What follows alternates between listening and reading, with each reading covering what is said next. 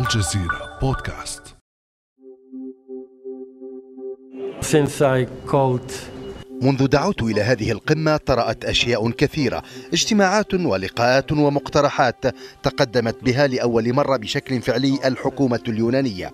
والمهم بالنسبة لي هو أن يتحمل القادة الأوروبيون كامل مسؤولياتهم لمنع حدوث السيناريو الأسوأ الذي يعني عدم التحكم في الأحداث والفوضى في حال خروج اليونان من منطقة اليورو.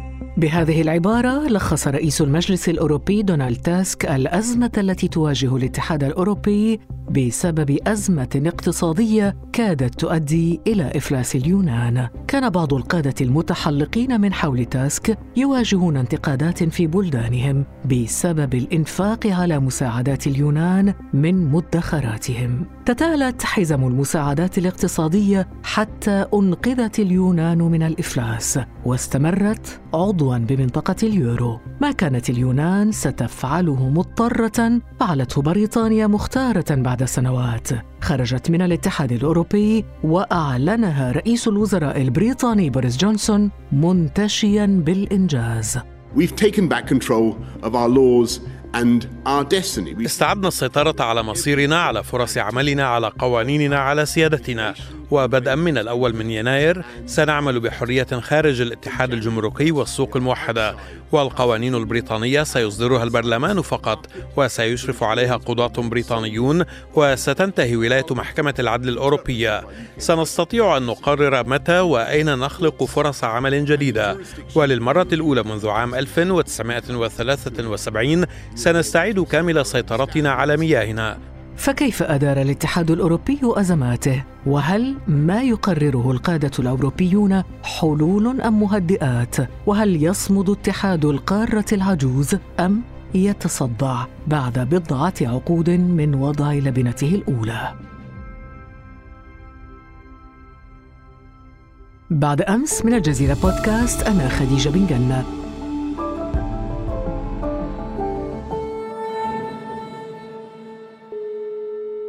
وأسعد كثيرا اليوم باستضافة الدكتور زياد ماجد أستاذ العلوم السياسية بالجامعة الأمريكية بباريس. أهلا وسهلا بك دكتور زياد. أهلا بكم شكرا. دكتور زياد لو طلبنا عرضا موجزا بأبرز الأزمات التي تعرض لها الاتحاد الأوروبي منذ إعلان تأسيسه، ماذا نقول؟ يمكن القول أن جملة من الأزمات طرأت. أبرزها اقتصادي مع اعتماد اليورو الدول المتواضعة الاداء الاقتصادي تضررت لأن الأسعار ارتفعت مع توحيد العملة. في حين استفادت دول اقتصاداتها أكبر. ولو أنها بذلت جهدا للتعويض أحيانا عن نواقص أو عن خلل في الموازنات. والأزمات الكبرى بدأت بعد العام 2008 مع الأزمة المالية العالمية التي تضررت فيها كثيرا اقتصادات دول مثل إسبانيا وإيطاليا واليونان ودفعت أوروبا لوضع صندوق خاص للتعويض أو للتدخل أحيانا في حالات دول. ثم جاءت الأزمة الأوكرانية والحرب الأولى على الأرض الأوروبية بعد حرب يوغوسلافيا السابقة لتزيد أيضا من الارتباك السياسي هذه المرة حول السياسة الموحدة المطلوب اتخاذها تجاه روسيا. ثم جاءت أزمة اليونان وأخيرا تطورت الأزمات في السنوات الاربع أو الخمس الأخيرة مع أزمة اللجوء السوري من جهة وأيضا العراقي أفغاني ومن أفريقيا بشكل خاص نحو إيطاليا واليونان ثم أزمة البريكست التي أشرتم إليها وكانت كبرى الأزمات مع كورونا الذي أصاب العالم بأسره وليس أوروبا فقط لكنه طبعا أضاف مناخات توتر داخلية في أوروبا. في أزمة اليونان وأزمة البريكست كانت هناك دول بصدد الخروج من الاتحاد الأوروبي. وفي أزمة كورونا انكفأت كما شاهدنا كل دولة انكفأت على نفسها. وترك الضعاف فريسة للفيروس. في كل هذا دكتور ماجد أليس في هذا تهديد لفكرة الاتحاد؟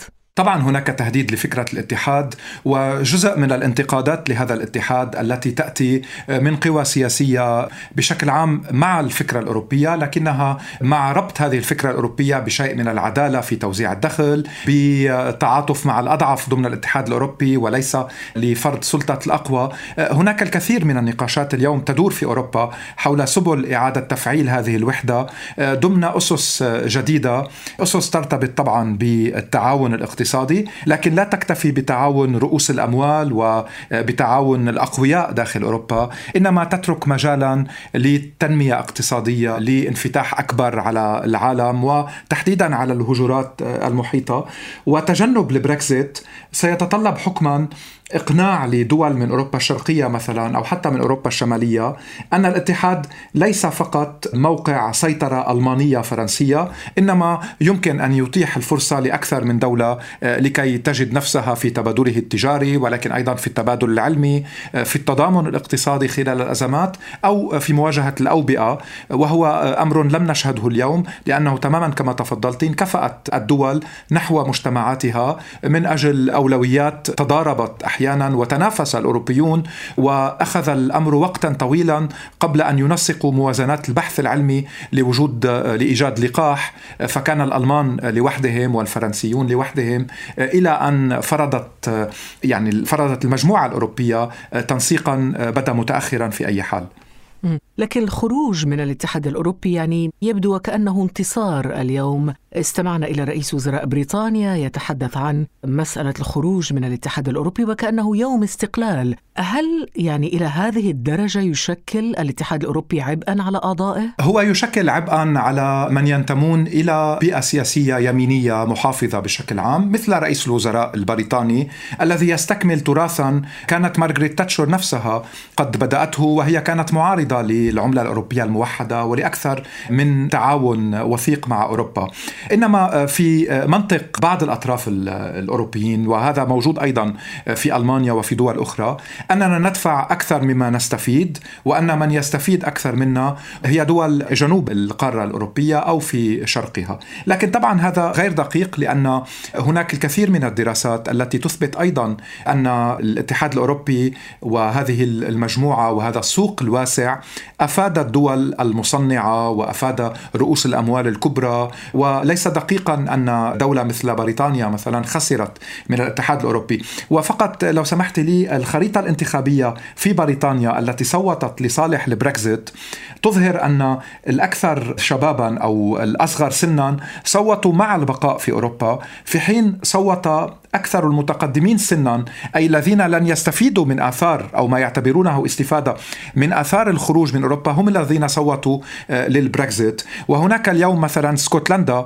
لا تريد الخروج من أوروبا، هناك إيرلندا الشمالية فيها أكثرية لا تريد الخروج أيضا، وهذا سيضع بريطانيا آه، نفسها أمام مآزق كبيرة، ليس فقط موضوع الانتصار أو اللغة الانتصارية اليوم هي ما سيكفي لمواجهة عواقب الأمر. لكن عموما دكتور ماجد البيت الأوروبي يعني فيه أقوياء وضعفاء والقاطرة الرئيسية له طبعا تبقى دائما ألمانيا وفرنسا. إلى أي مدى تبقى هذه القاطرة متماسكة قوية لتقود الاتحاد؟ الرهان هو على هذا البقاء لكن الانتخابات الأخيرة في ألمانيا مثلا وخروج السيدة ميركل من الحكم قد يكون له بعض التبعات على العلاقة الفرنسية الألمانية.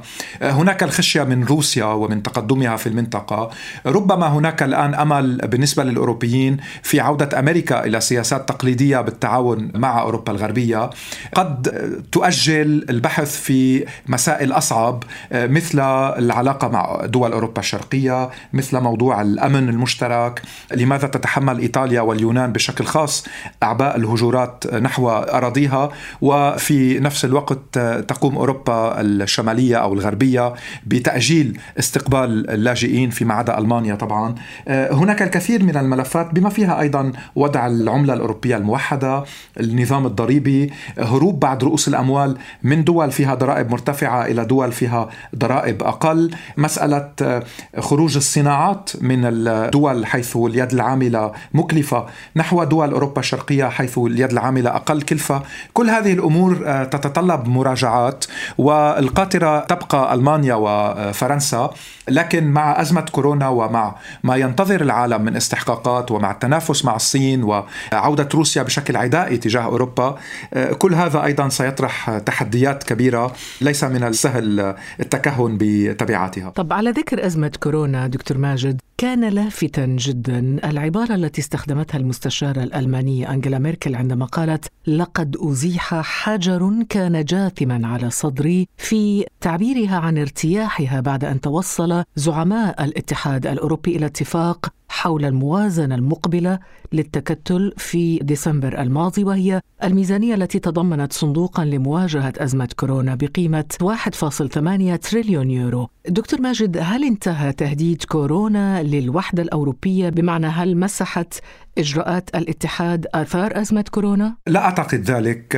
هناك أزمات مستمرة بسبب كورونا. من ضمنها موضوع تراجع النمو الاقتصادي. من ضمنها الموازنات الضخمة التي رصدت في عدد من الدول وليس في كل الدول للذين تعطلوا عن العمل أو للمؤسسات الصغرى والمتوسطة التي أنهكت بسبب الإقفال وبسبب آثار الجائحة. وطبعا شركات الطيران والصناعات الكبرى التي بمجملها تضررت كثيرا. كثيرا إضافة إلى القطاع السياحي. فالكلفة الاقتصادية لكورونا ستستمر طويلا لكن كان هناك صراع هو الذي أشارت إليه ميركل حين قالت إنها ارتاحت آه، منه.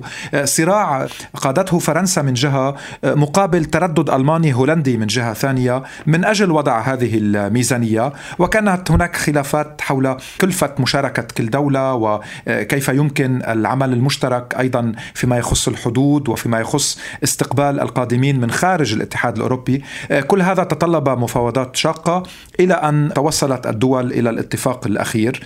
آه، لكن الآن مع التعديلات التي تحصل على الفيروس وما يسمى النسخة الإنجليزية أو الخوف من وصول النسخة البرازيلية أو الجنوب أفريقية كل هذا سيتطلب أيضا تنسيقا فيما يتعلق بالسفر وحق الدخول والخروج إلى الاتحاد وغيرها من الإجراءات. آه، لذلك ما زلنا في صلب الأزمة ولو أن اللقاح يعني يظهر امال امالا بأن الخروج منها لم يعد بعيدا. لكن هذا يطرح سؤال آه، بشكل عام دكتور ماجد عن كيفية إدارة الاتحاد لأزماته. كيف تقيم آليات معالجة الأزمات التي يعتمدها الاتحاد الأوروبي؟ أه، على الصعيد السياسي وتحديدا في السياسة الخارجية هناك فشل ذريع لدى الاتحاد الأوروبي إذ لم يبلور موقفا موحدا تجاه إدارة ترامب، تجاه روسيا، تجاه القضايا المحيطة بأوروبا في البحر المتوسط في الحوض الجنوبي والشرقي، أه، هناك المسألة التركية التي تقسم أيضا الأوروبيين ولو أن معظمهم لا يريد انضمام تركيا،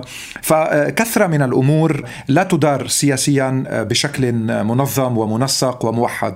أما فيما يخص الاقتصاد فهناك هيمنة لرؤوس الأموال الكبرى ولكتل ضغط اقتصادية أساسية تحاول دائما تمرير تشريعات تناسبها وبات هناك مقاومة لذلك من قبل توسع كتلة النواب والنائبات الخضر الذين يأتون من خلفيات بيئية يريدون لجم كتل الضغط المرتبطة بالتصنيع التصنيع الغذائي آه، بكل ما هو مرتبط بالنفط والغاز. يعني هناك صراعات اقتصادية أيضا داخل أوروبا وعدم قدرة على التنسيق في كل الأمور آه، بسبب بيروقراطية موجودة في بروكسل عاصمة الاتحاد الأوروبي وبطء في الآليات وفي التفاوض مع إعلاء الاعتبار وهذا مناقض لروحية الاتحاد الأوروبي إعلاء اعتبار أحيانا الشأن الوطني الخاص بكل دولة حين تواجه تحديات آه، من نوع خاص.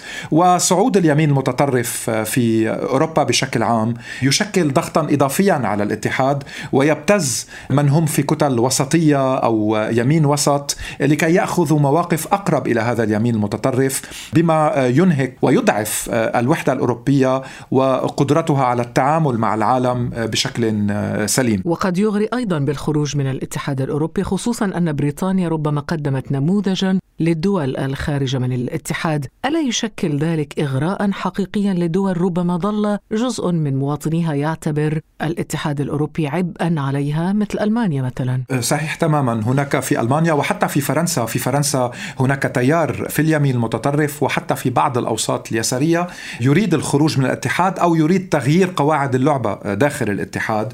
وحتى هناك من يسمون أنفسهم بدعاة الفركسيت أه، تيمنا بالبريكزيت يعني خروج فرنسا من الاتحاد. وفي ألمانيا أيضا أه، هناك وفي بعض الدول الشمالية منحى من هذا النوع. آه، لكن الكل ينتظر آه، كيف ستكون الانعكاسات الاقتصادية على المدى المتوسط والبعيد على بريطانيا. كما أن الإجابة حول أي عملة يعتمد الخارجون. بريطانيا لديها جواب وهو استمرت في اعتماد الباوند الإنجليزي لم آه، تدخل ضمن اليورو. لكن الخروج من نظام العملة الموحدة له خسائر مالية ضخمة والبنك المركزي الأوروبي يلعب دور في تحديد هذه الخسائر. لذلك من السهل القول والكلام أو المطالبة بالخروج للحفاظ على ما يسميه البعض الحدود الوطنية أو الهوية الخاصة.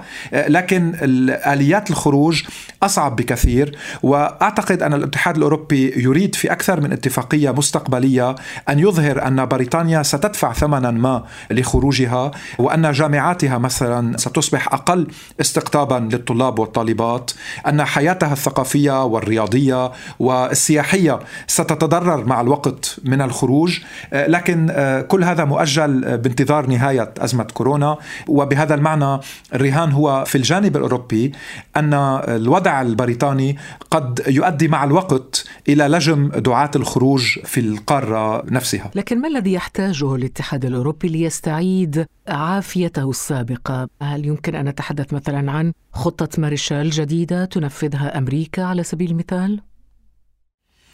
خطة ماريشال جديدة نعم لكن لا أعتقد أن أمريكا بوارد تنفيذ خطط من هذا النوع. هي مستمرة في نوع من الانكفاء السياسي والاقتصادي خارج أطر المنافسة طبعا الذي التي تستمر فيها إلى أبعد الحدود. لكن هناك الآن كلام عن ضرورة تطوير موازنات أوروبية لأن أوروبا شعرت بتأخر في مجال البحث العلمي لأن الموضوع المرتبط بأزمات اللجوء والهجرات هو مباشر يعني هي على تماس مباشر معه لأن السياسة الخارجية الأوروبية لا قوام لها.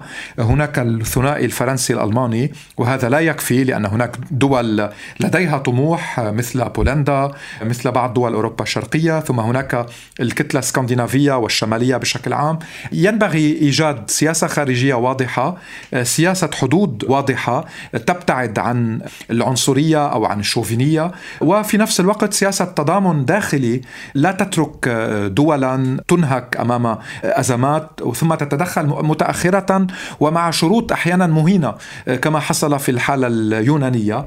فهناك طبعا حاجة لإعادة أيضا بلورة عدد من التشريعات وحقوق الدول لجهة تمثيلها في البرلمان الأوروبي لجهة مساهماتها الاقتصادية وتحديد نسب العجز المسموح بها وكيف يتدخل البنك المركزي الأوروبي وأين يتدخل. هذه كلها أمور مطروحة اليوم على بساط البحث لكن أظن أن لأوروبا أيضا يعني الكثير من الداعمين في أوساط الرأي العام في أكثر من بلد لأنها غيرت الكثير من العادات وسهلت الانتقال والدراسة والطبابة ولو أن الاستفادة كما في معظم أنحاء العالم هي للأكثر دخلا وللأغنى وللأقوى حتى ضمن وحدة من هذا النوع. لكن رغم ذلك دكتور ظل الاتحاد الأوروبي لسنوات طويلة يعني مصدر إلهام للكثير من الشعوب والدول أو نموذج يعني كنموذج اتحادي ناجح لم تتوفق الكثير من الدول في تحقيقه. ربما نتحدث عن العالم العربي ك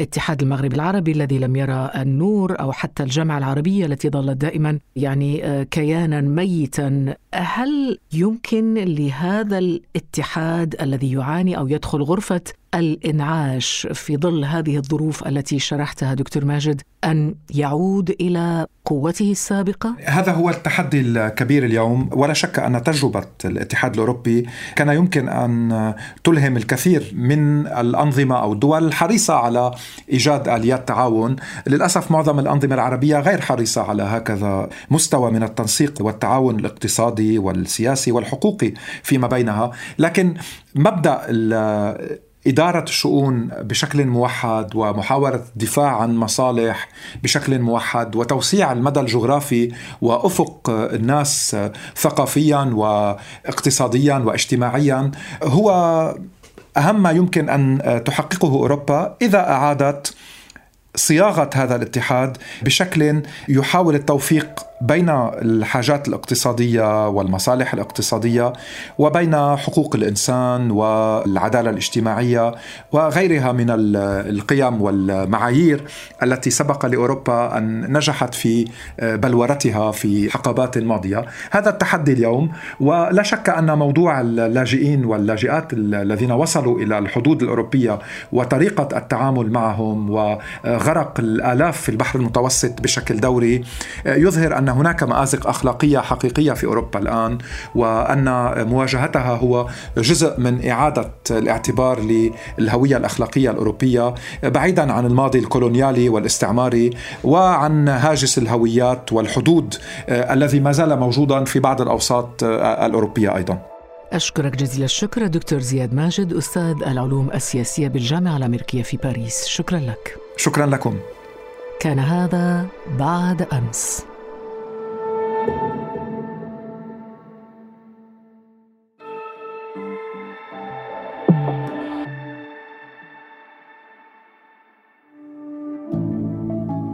ابقى على تواصل مستمر مع الجزيرة بودكاست ولا تنسى تفعيل زر الاشتراك الموجود في تطبيقك لتصلك الحلقات يومياً.